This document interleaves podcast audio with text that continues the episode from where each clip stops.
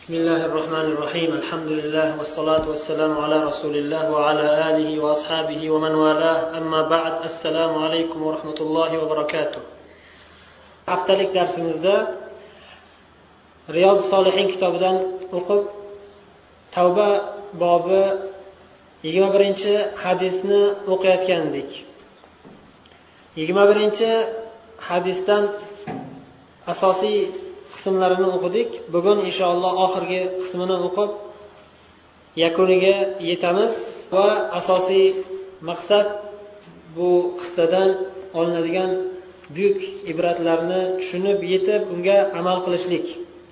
Alloh taolo barchalarimizni ana shunga muvaffaq qilsin.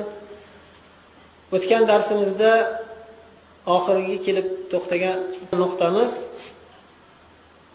Rasululloh sollallohu alayhi vasallamning kab ibn molik va u kishining ikkita sheriklariga e'lon qilgan jazolari u ham bo'lsa hech kim ularga gapirmaslik jazosi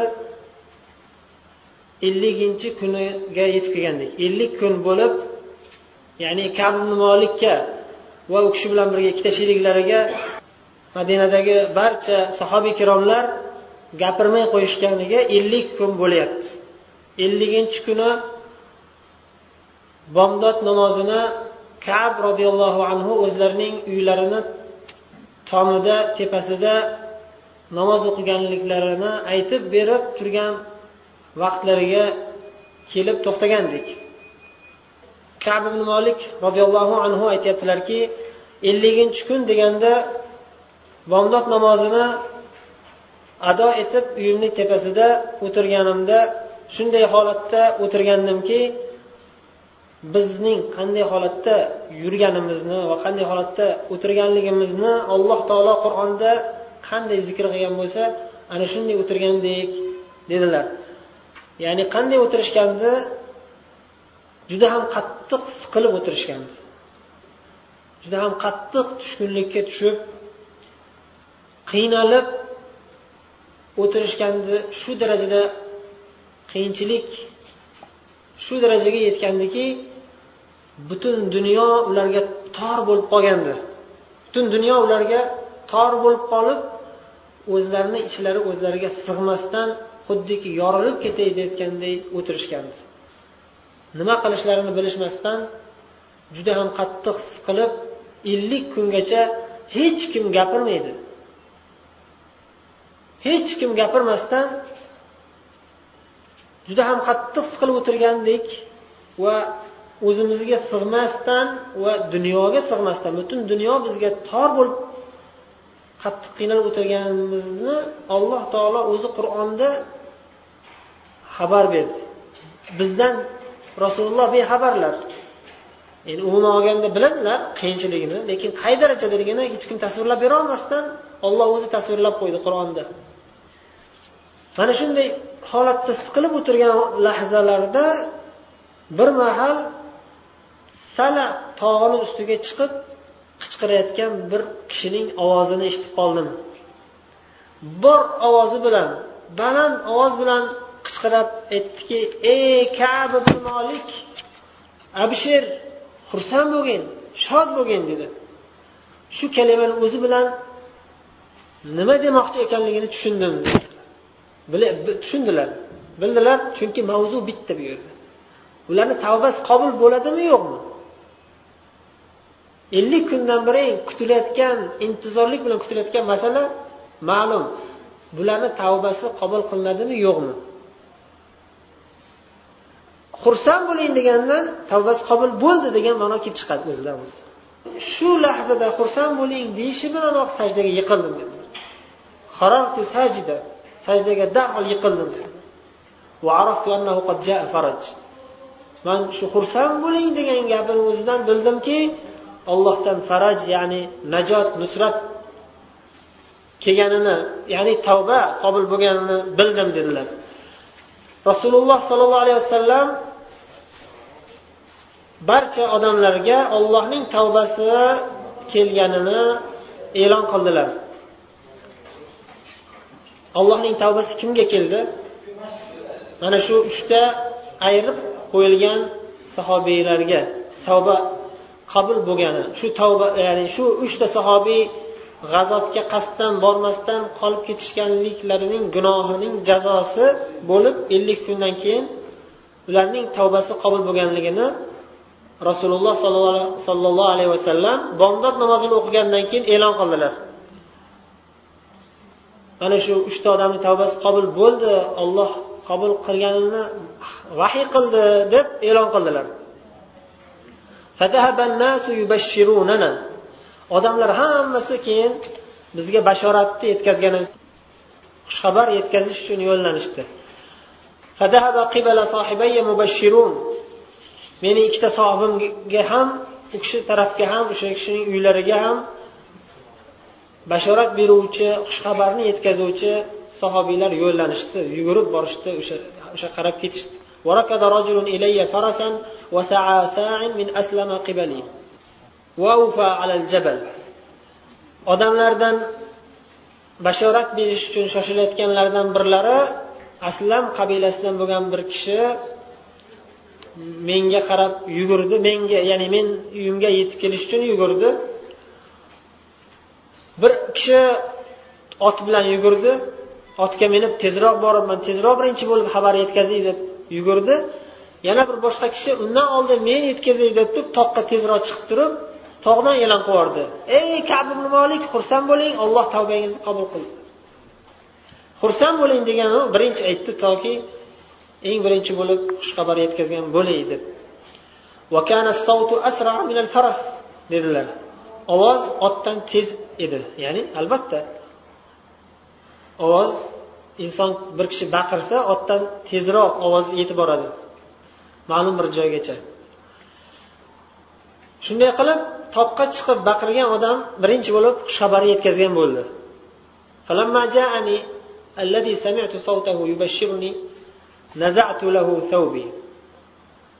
Menga bashorat berib kelgan odamning baland ovoz bilan e'lon qilgan kishi yetib kelgandan keyin men unga ikkita kiyimimni yechib berdim. Bergan xushxabariga suyunchi sifatida unga shu kiyimimni yechib berib kiydirib qo'ydim dedilar. Demak bu yerda xushxabar bergan odamga siz suyunchi berishingiz shariatda bor narsa ekanligi ayon bo'ladi. Sunnat yoki mustahab savobli amal deymiz. Va undan oldin olinadigan foyda bir musulmon kishiga xushxabar yetkazishlik ham sunnatligi ayon bo'ladi. Bir kishini xursand qilib siz unga yaxshi xabar yetkazishligi savobli ish. Musulmon birodaringizni qalbiga shodlik kirgizishlik savobli ish va bu narsa sahih hadislarda bayon qilingan. Rasululloh sollallohu alayhi vasallam surur fi qalbi muslim. Musulmon kishining qalbiga xursandchilik kirgizishlikni savobli ish ekanligini rasululloh sollallohu alayhi vasallam sahih hadisda xabar berganlar va bu qissadan ham shu narsa ayon bo'lyaptiki barcha sahobiylar shunga qiziqishardi. Bir qancha sahobiylar shu uch kishiga yugurib borishdi xushxabarni yetkazish uchun ollohning tavbasi muborak bo'lsin deb ularga xushxabar yetkazish uchun shoshilishdi. Demak bu narsa sunnat. Birinchi bo'lib kelgan odamga imkoniyatlari bo'lgan sovg'ani berdilar. Shu xushxabarni yetkazganligi muqobiliga shuni evaziga xursand bo'lib shu sovg'ani berdilar. Bu ham mustahab amal. Qattiq xursand bo'lganliklaridan qimmatbaho kiyimlarni berib yubordilar. Boshqa kiyimim yo'q edi deyaptilar hatto. Biz o'tgan darslarimizda aytgandikki bu kishi boy odam edilar boyliklari tufayli shu narsa ta'sir qilib g'azotga chiqolmasdan shu boyliklardan ta'sirlanib dangasalik qilib qolib ketgandilar dedik. Bu yerda qanday qilib hozir qanday tushunamiz? Boring'i ikkita ko'ynagim bor edi bundan boshqa ko'ynagim yo'q edi deyaptilar. Buni bir qancha ehtimolotlari bor bir qancha ehtimollari bor. Shulardan biri u kishi qilib qo'ygan gunohlari uchun shu ellik kun davomida sadaqa qilib berib yuborganlar qancha narsalari bor. Alloh gunohlarimni kechirsin deb. Tavba bobidan sadaqa qilib yuborganlar. Ikkinchisi boy bo'lganlar bilan isrof qilib ko'p narsa olmasdilar o'zlariga ya'ni. Qavat qavat yoki son sanoqsiz kiyimlar olib qo'yishlik yo'q sahobiylarda. Ikkita kiyimlar bo'lardi juda boy bo'lishsa. Ortiqcha kiyim olishmasdi isrof degan narsadan qattiq qo'rqishardi. Endi bashorat yetib keldi xushxabar keldi. Nima qilish kerak? Xushxabar kimga keldi? Birinchi bo'lib rasulullohga keldi sollallohu alayhi vasallamga. Payg'ambarimizga olloh vahiy qildi. Demak rasulullohni oldilariga borish kerak. Bu narsa ma'lum. Endi qanday qilib boraman? Kiyimimni yubordim xushxabar olib kelgan birinchi odamga. Aytyaptilarki ikkita kiyimni qarzga olib turdim deyaptilar ikkita kiyimni ya'ni tepasiga bir tepasiga kiyiladigan kiyim pastga kiyiladigan kiyim. Ikki bo'lim. ikkita kiyimni berib yuborganlar o'zlariga qolmagan hech narsa keyin qo'shnilaridanmi bironta tanishlaridan ikkita kiyimingizni berib turing deb qarzga olib kiyib shoshilgan holatlarida rasululloh sollallohu alayhi vasallamning oldilariga yo'l oldilar وانطلقت أتأمم رسول الله صلى الله عليه وسلم يتلقاني الناس فوجا فوجا يعني yo'lda ketyaptilar rasululloh huzurlariga. Odamlar bir qanchalari kelishyapti. Xushxabar yetkazib tabriklash uchun. Tabriklash uchun. Yo'lda uchrashib to'p to'p bo'lib kelayotgan odamlar bilan ko'rishdim. Tavba tavba bilan ya'ni tavba qabul qilingani bilan tabriklashayotgan holatlarda ular bilan uchrashib yo'lda yo'l yo'lakay uchrashdik. Demak bu yerda xushxabar bilan tabriklash sunnatligi ham ko'rinib turibdi. Senga ollohning tavbasi muborak bo'lsin deb aytishardi. Hatto daholtul masjid to masjidga kirib bordim. Faida rasululloh sollallohu alayhi vasallam jalisun havlahu nas qarasam rasululloh sollallohu alayhi vasallam aylan atroflarida sahobiy ikromlar odamlar o'tirishgan ekan. Faqoma tolhat ibn ubaydillah roziyallohu anhu. Ana shu o'tirgan sahobiy ikromlarni ichidan tolha roziyallohu anhu shoshilib o'rinlaridan turib yuharvilu hatta sofahani vahannaani hammalarini orasidan tolha o'rinlaridan turib ajrab chiqib yugurib keldilarda salomlashib ko'rishib tabrikladilar. Kab molik va bu narsa ijobiy ta'sir qildiki kab molikka hech kim turmadi bitta tolha turdiya deb qalblarida o'rnashib qoldi. Shuni aytyaptilar vallohi boshqa muhojirlar turmadi. Bitta shu turdi. Ya'ni ansoriylar turgan bo'lishi mumkin. Chunki bu kishi ansoriy. Baribir o'zizga yaqin odam qarindoshingiz baribir sizga yaqinroq bo'ladi. Bu tabiiy inson tabiatida bor narsa.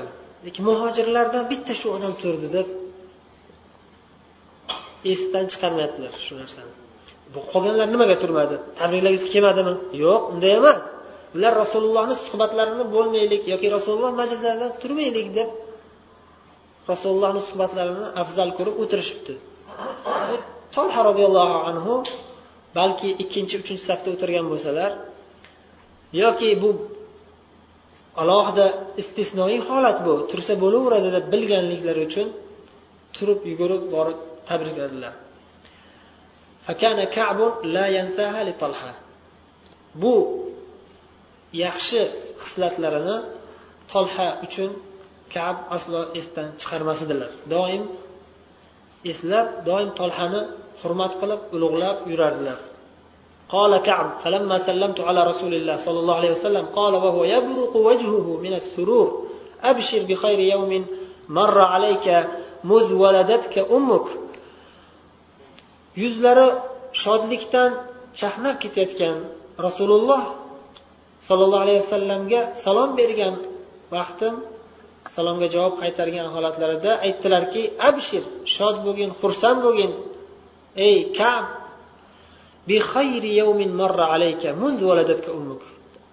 onangiz sizni tuqqandan beri sizga birinchi marotaba bunday eng yaxshi kun eng ulug' kun eng muborak kun kelganiga xursand bo'ling deb bashorat berdilar فقلت أمن عندك يا رسول الله أم من عند الله bu xushxabar sizni huzuringizdanmi ey rasululloh sollallohu alayhi vasallam yoki ollohning huzuridanmi dedilar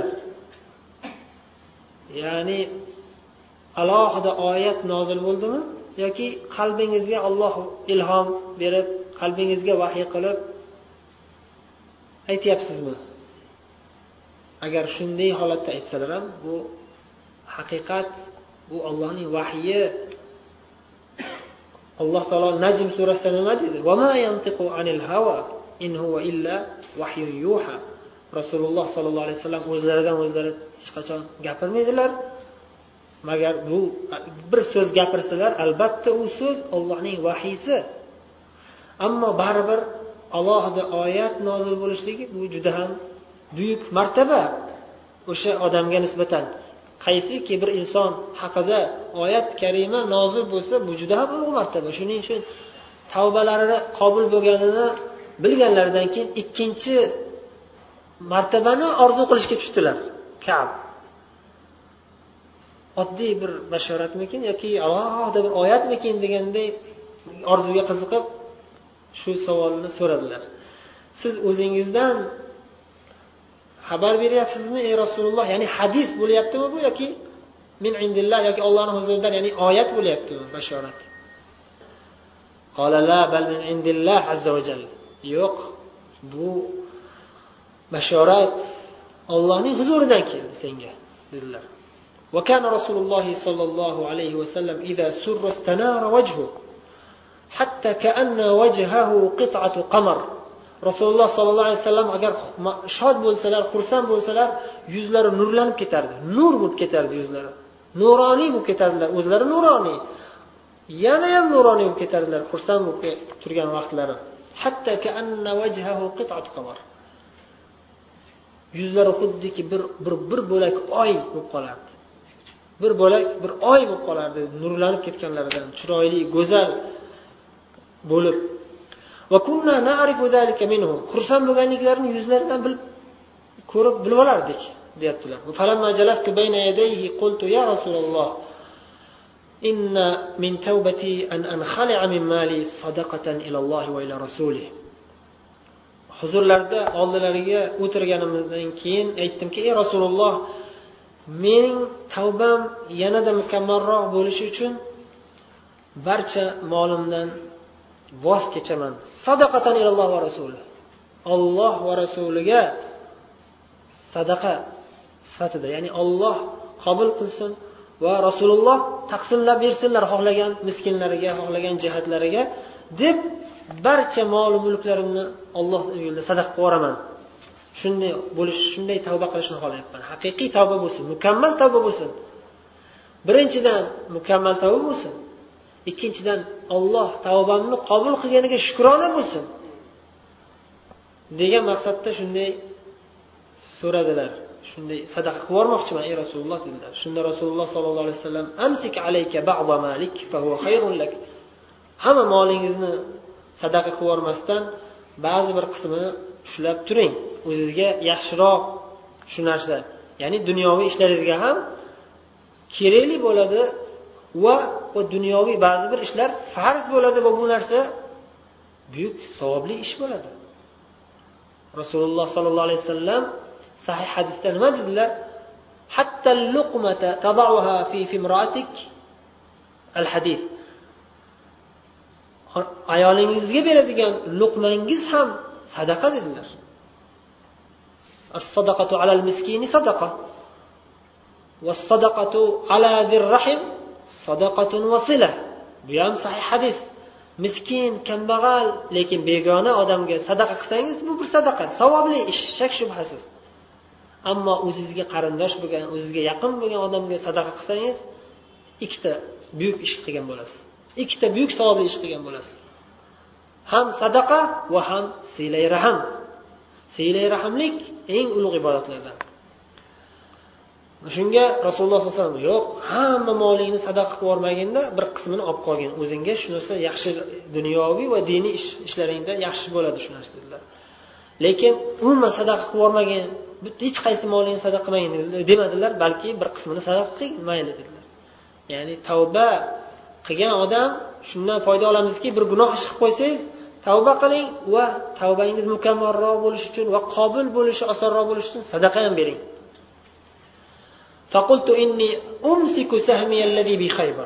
Unday bo'lsa ey rasululloh sollallohu alayhi vasallam deb ochiqchasiga aytyaptilar yoki ichlarida aytyaptilar.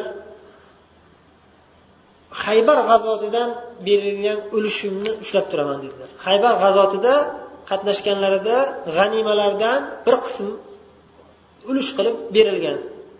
Kimga? Kabi molikka ana shu ulushimni ya'ni jihoddan kelgan g'animalar eng afzal eng halol rizq bo'ladi. Rasululloh sollallohu alayhi vasallam aytganlar eng afzal eng halol eng pokiza rizq qaysi rizq desa islomga dushmanlik qilib musulmonlarni qatl qilayotgan kofirni jihod maydonida o'ldirib moli mulkini olsangiz ana shu eng halol bo'ladi. Nimaga? Hamma tomonlama foyda bo'ladida bu. Qancha musulmonlarni qatl qilayotgan odamni yo'q qilgan bo'lasiz. Qancha musulmonlarni ziddiga ishlayotgan mol o'sha narsa to'xtaydi sizni qo'lingizga o'tadi.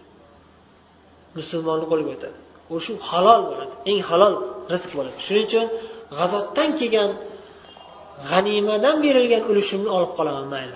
Eng halol rizqimni olib qolaman. O'zi hammasi halol. Sahobiy ikromlar hamma topadigan e, mol mulklari tirikchiliklari hammasi halol shak shubhasiz lekin baribir halolni ham darajasi bor aytganimizdek وقلت يا رسول الله إن الله تعالى إنما أنجاني بالصدق بالصدق ey rasululloh alloh taolo meni faqatgina shu rostgo'yligim uchun qutqardi yolg'on gapirmasdan sizni aldamasdan bor gapni aytib ey rasululloh ochiqcha sizga rost gap aytaman hech qanday uzrim yo'q Ayb menda men gunohkorman. Men xato qilib shu tabu g'azotiga chiqmasdan qolib ketdim. Hech narsani bahona qilmayman. Men xato qildim. Deb ochig'ini aytganligim uchun sodiq bo'lganligim uchun olloh tavbamni qabul qildi. Demak sodiqlik juda ham buyuk ibodat. Farz bir jihatdan ikkinchi jihatdan ulug' martabaga ko'taradi.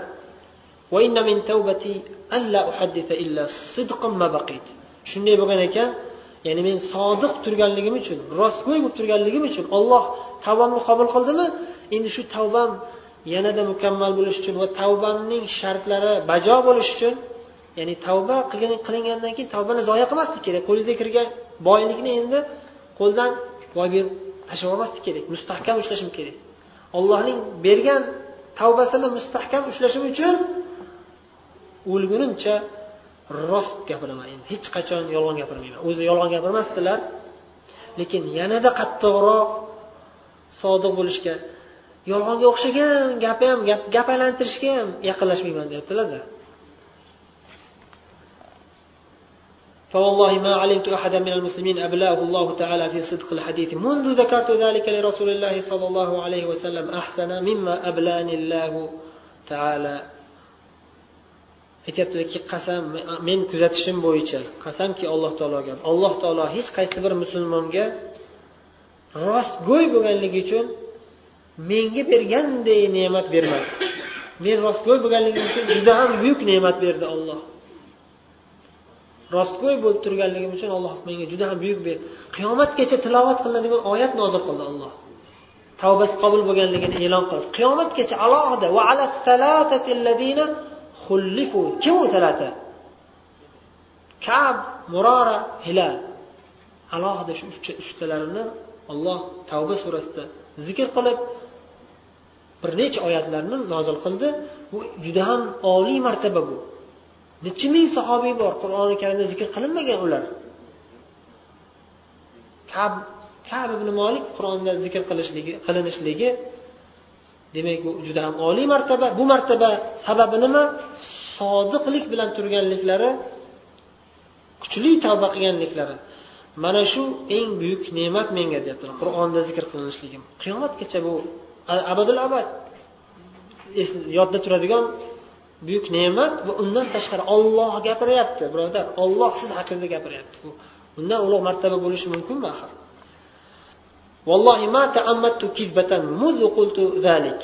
Mana shu narsani aytganimdan beri biror marta yolg'on gapirishga qasd qilmadim.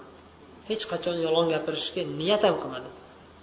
Hatto niyat qilganim yo'q deyaptilarda gapirish yolg'on gapirish u yoqda tursin umuman yolg'on gapirish hayolimdan o'tkazmadim deyaptilar ba'zida inson hayolidan o'tadiku bir og'ir holatga tushib qolsa yolg'on gapirib chiqib ketish iloji bo'lsa yolg'on gapirib chiqib qutulmaymikin qutulmaymikin juda ko'p uchraydi bu holat.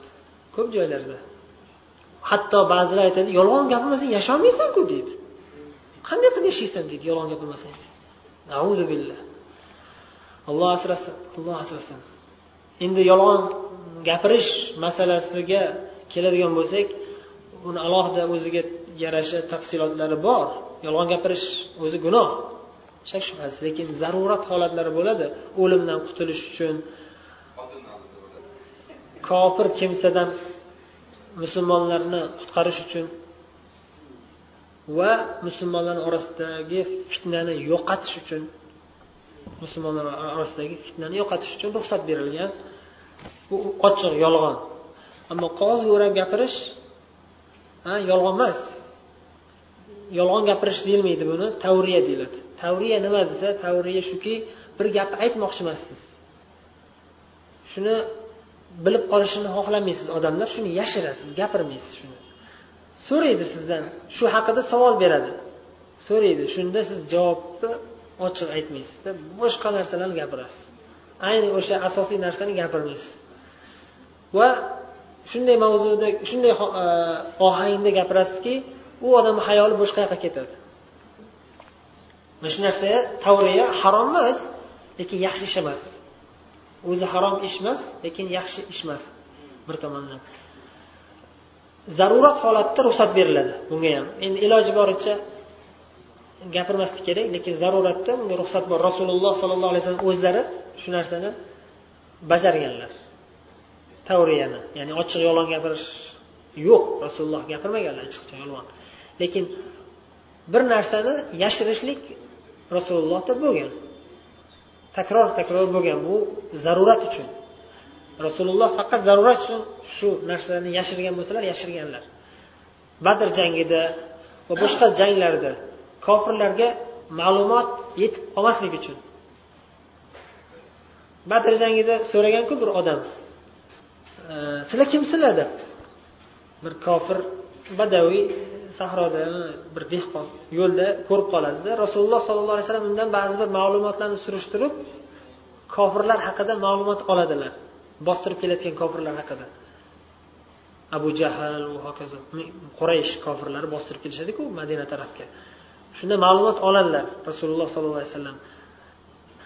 Rasululloh sollallohu alayhi vasallamdan haligi mushrik so'raydi. Sizlar kimsizlar? deydi. Tanimaydiku kimni oldida turgan. Payg'ambarimiz sollallohu alayhi vasallam bilan birga abu bakr ketishayotgan bo'lishadi. Shunda so'raydi sizlar kimsizlar deydi. U bilmaydi tanimaydi. Ko'zi ham ojiz bo'ladi adashmasam.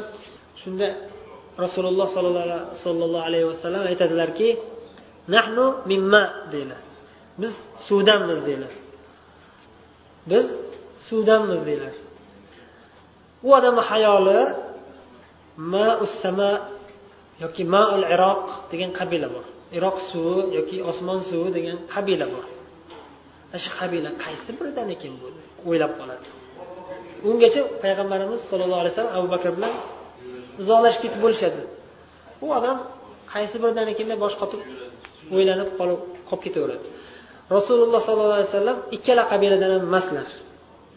Undan ham emaslar bundan ham emas. Qaysi qabiladan? Inson suvidanlar maqsadlari shu edi. Inson suvidanman deganlar shu ma'noda aytganlar. Demak o'sha yolg'on gapirish xulosasi shu. Yolg'on gapirish juda yam katta xatarli gunoh. Faqatgina zarurat uchun ma'lum bir holatlarda ruxsat beriladi uni aytdik. Bu yerda kab roziyallohu anhu sodiq turganliklari uchun alloh taolo shunday ulug' martabaga ko'targaniga shukrona sifatida yana bir bor qasam ichib aytdilarki o'lgunimcha yolg'on gapirmayman yana dedilar va yolg'on gapirmadim hatto hozirgi lahzamgacha va aytyaptilarki qolgan umrimda ham olloh meni yolg'on gapirishdan saqlashini ollohdan umid qilaman dedilar. ya'ni qachon vafot qilishlarini bilmaydilarku gapirib berayotgan paytlari o'zlari yoshlari qarib qolgan va aytyaptilarki endi qolgan umrim qancha qolgan bo'lsa ham olloh meni ish qilib sobit qadam qilsin yolg'on gapirib qo'ymay yana deb qo'rqyaptilar قال كعب فأنزل الله تعالى لقد تاب الله على النبي والمهاجرين والأنصار الذين اتبعوه في ساعة العسرة endi bu yerda kab ibn molikning tavbasi haqida nozil bo'lgan oyatlarni qaysi oyatlar ekanligini kab roziyallohu anhu zikr qilyaptilar. Bu oyatlarning avvalida alloh taolo umumiy sahobiylar haqida gapirgan. Payg'ambarimiz sollallohu alayhi vasallam va umumiy sahobiylar haqida tabuk g'azoti haqida gapiradi alloh taolo.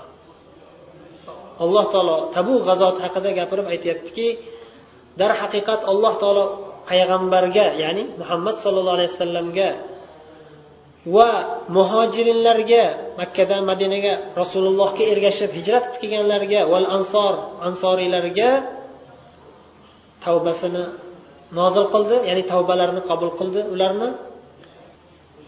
U sahobiy kiromlar muhojir va ansorlar payg'ambarga qiyinchilik lahzasida ergashgan zotlar deb alloh ularni maqtadi. Ana shunday qiyinchilik lahzasida ya'ni tabuk g'azotida rasulullohga ergashib jihodga chiqqan muhojiru ansorlarga va ularni bosh boshliqlari payg'ambarga alloh taolo tavba qildi tavbalarini qabul qildi. Kab roziyallohu anhu tilovat qilib oyatni oxiriga yetib keldirib oyatni oxirida alloh taolo aytgan innahu bihim raufur rohim albatta u zot ya'ni alloh taolo bihim ya'ni sahobiy ikromlarga mo'minlarga rauf rahim rahmli zotdir. Dedida keyin umumiy sahobiylar haqida alloh taolo ulug' maqtovlarni aytgandan keyin alohida uchta sahobiyga to'xtaldi. Uchta sahobiyning mavzusiga alohida alohida to'xtadida alloh taolo aytdiki وعلى الثلاثة الذين خلفوا حتى إذا ضاقت عليهم الأرض بما رحبت وضاقت عليهم أنفسهم الآية alloh taolo payg'ambar va muhojir va ansorlarga tavba tavba qildi deb turib keyin yana uchtalariga ham dedi orqaga kechiktirilgan kechiktirilgan uchta insonga ham alloh taolo tavba qildi dedi. Xullifu orqaga kechiktirilgan deganda bu yerda mavzusi nima? Ellik kunga kechiktirilgan. Tavbasi qabul bo'lish bo'lmasligini hal qilish ellik kunga kechiktirilgan uchta sahobiyga ham alloh tavbasini qabul qildi deb vahiy nozil qildi. ellik kungacha kechiktirildi ular hatto shu ellik kunni ichida nima bo'ldi ular shu darajagacha bordiki butun yer yuzi ularga har qancha keng bo'lsa ham ularga tor bo'lib qoldi dedi وضاقت عليهم أنفسهم وظنوا أن لا ملجأ من الله إلا إليه ya'ni ular shu darajada qattiq siqilishdiki o'zlarini ichlariga sig'masdan qattiq qiynalishdi. Ollohdan hech qochib qutulolmaymiz illa ollohga allohga qochsak qutulamiz ya'ni allohning jazosidan allohning azobidan uqubatidan hech qachon hech qayoqqa qutulib qochib qutulolmaymiz illa ollohning allohning rahmatiga borib allohga iltijo qilib ollohni rahmatini so'rab qutulamiz deb ishonishdi. Ishonishdi deb degan ma'noda bu yerda vadonno degan shu ishonishdi degan ma'noda qur'onda bir necha o'rinlarda keladi. Keyin alloh taolo oyatlarning shu mavzuda nozil bo'lgan oyatlarning oxirida yana aytadiki ey iymon keltirgan zotlar ollohdan taqvo qilinglar. Ittaqulloha va kunu sodiqin. Ollohdan taqvo qilinglar va sodiqlar bilan birga bo'linglar dedi. Ya'ni yuqoridagi aytilgan sahobiy kiromlarga o'xshash sodiqlar bilan birga bo'linglar deb ishora qilyapti. Kim ular desangiz payg'ambarimiz sollallohu alayhi vasallamga ergashib tabu g'azotiga borgan sahobiylar va gunohlarini e'tirof etib sodiq bo'lib rost gapirib tavba qilgan uchta sahobiyga o'xshash. قال كعب والله ما أنعم الله علي من نعمة قط بعد إذ هداني الله للإسلام أعظم في نفسي من صدق رسول الله صلى الله عليه وسلم ألا أكون كذبته كعب يتبتل لك قسم الله تعالى الله تعالى منك إسلام نعمة دنكين إسلام من هداية قيان لنكين شو لحظة جاء bu ne'matdan ko'ra ulug'roq ne'mat bermadi menga eng ulug' ne'mat islomdan keyin menga eng ulug' ne'mat shu bo'ldi. Nima u? Sidqi rasululloh. Rasululloh sollallohu alayhi vasallamga rost gapirganligim. Yolg'on gapirib qo'ymaganligim. Chunki yolg'on gapirish o'yladilarda ozgina qoldi. Yo u yoqlik yo bu yoqlik ketib qolay dedilar. Rasululloh yo'lda qaytib kelayotganlarida nima deyman rasulullohga deb boshlarini qotirib odamlardan maslahat so'rab qaysi uzr aytsam bo'ladi nima bahona aytsam bo'ladi deb o'ylab o'ylab yolg'onlar keldi rosa. U desammikin bu desammikin deb. Lekin oxirida baribir yolg'on bilan qutulmayapman olloh bildiradi yolg'on gapirganimni rasulullohga. Dedilarda iymonlarini kuchaytirib rost gapirdilar. Har qancha hijolatli har qancha og'ir sharmandalik bo'lsa ham nima bo'lsa bo'lsin rost gapiraman endi dedilarda rost gapirdilar. Bu sharmandalik bo'ldi hisob boshida. Odamlarning nazarida. Ollohni huzurida emas odamlar kelishdi. Ey nima qilib qo'ydi deyishdi yolg'on gapirsang qutulib ketsang bo'lardiku bahona qilib ketsang. Sakson nechtadir odam gapirdi payg'ambar istig'fo aytdilar deyishdi. Sen o'zingni o'zing sharmanda qildingku deyishdi. Lekin oqibat rostgo'ylar uchun doim rost gapirib olloh uchun faqat rost gapirgan odam najot topadi. Ana shu sakson nechta odam o'sha kungi va o'sha vaqtdagi mayli ellik kun ular hech kim hech narsa demadi ularga? Ellik kungacha hamma ha bular uzrli odam ekan haqiqatda uzri bor ekan deganday muomala qilib yaxshi muomala qilaverdi hech kim ularni ularni aloqani uzib tashlamadi bularga o'xshab. Lekin ellik kundan keyin nima bo'ldi? Yolg'onni sharmanda qilindi. Sizlar kimni aldamoqchisizlar o'zinglarcha yolg'on gapirib. Alloh taolo oyatlarni nozil qilib aytdiki mana kab aytyaptilar olloh meni qutqarganiga shukur ollohni eng buyuk ne'mati bo'ldi menga bu dedilarda aytdilarki agar yolg'on gapirib qo'ygandami nima bo'lardi yolg'on gapirganlar halok bo'lib ketgandek halok bo'lib ketardim man ham olloh qutqardi mani shundan deyaptilar إن الله تعالى قال للذين كذبوا حين أنزل الوحي شر ما قال لأحد alloh taolo shu vahiyni nozil qilganda yolg'on gapirgan odamlarga eng yomon so'zlar bilan tanqid qilib eng yomon so'zlar bilan qoraladi alloh taolo ularni. Ya'ni kimniki olloh yomonlagan bo'lsa bir yomon so'zlar bilan qoralagan bo'lsa ana shularni ichidagi eng qattiq qoralanganlar mana shular bo'ldi. Ya'ni munofiqlar payg'ambarni aldamoqchi bo'lgan munofiqlar. Nima dedi olloh ular haqida? Aytdiki alloh azza va jalla sayahlifuna billahi lakum idan qalabtum ilayhim litu'ridu anhum fa'ridu anhum. Innahum rijs. Innahum rijs. Sizlar sizlarni huzuringizga kelib sizlarga idan qalabtum sizlar g'azvat tabukdan orqaga qaytib kelganliklaringlardan keyin hali sizlarni oldinglarga kelib qasam ichishadi dedi. Qasam ichishadiki yolg'on gapirib uzrimiz bor edi boshqa sizlar tabuk g'azotidan qaytib kelganinglardan keyin sizlarni oldingizga kelib u odamlar ya'ni munofiqlar qasam ichishadiki ollohga qasam ichib aytishadi. Nimaga qasam ichishadi desa toki sizlar ulardan yuzinglarni o'girishinglar uchun ya'ni malomat qilmasinglar uchun. Malomat qilmanglar bizni degan maqsadda yolg'on gapirishadi. Sizlar ulardan yuzlaringizni o'girib ya'ni indamasliklari uchun. Sizlar yuzinglarni o'giringlar ulardan. Ularga qaramanglar umuman. Ulardan voz kechinglar. Nimaga? Innahum rijs dedi. Olloh ularni rijs dedi. Munofiqlar rijs najas dedi. Iflos dedi. Jahannam. Ularning joylari jahannam borib tushadigan joylari jahannam dedi. Nima uchun? Qilib yurgan jinoyatlariga uqubat sifatida jahannam ularga joy bo'ladi. Toki sizlar ulardan rozi bo'lishingizlar uchun sizlarga qasam ichishadi allohga qasam. Biz uzrimiz bor edi. Tabu g'azotidan qolib ketishimizga bizni uzrimiz bor edi. Allohga qasam deyishadi. Nimaga bu qasam ichyapsa toki ha bo'pti mayli. Bo'pti mayli sizlardan rozimiz deyishinglar uchun sizlar rozi bo'lsanglar ham deyapti olloh sizlar mayli deb rozi bo'lsanglar ham olloh hech qachon fosiq qavmdan rozi bo'lmaydi. Bular fosiqlar. Yolg'on gapirib aldaydigan munofiqlar fosiqlar dedi.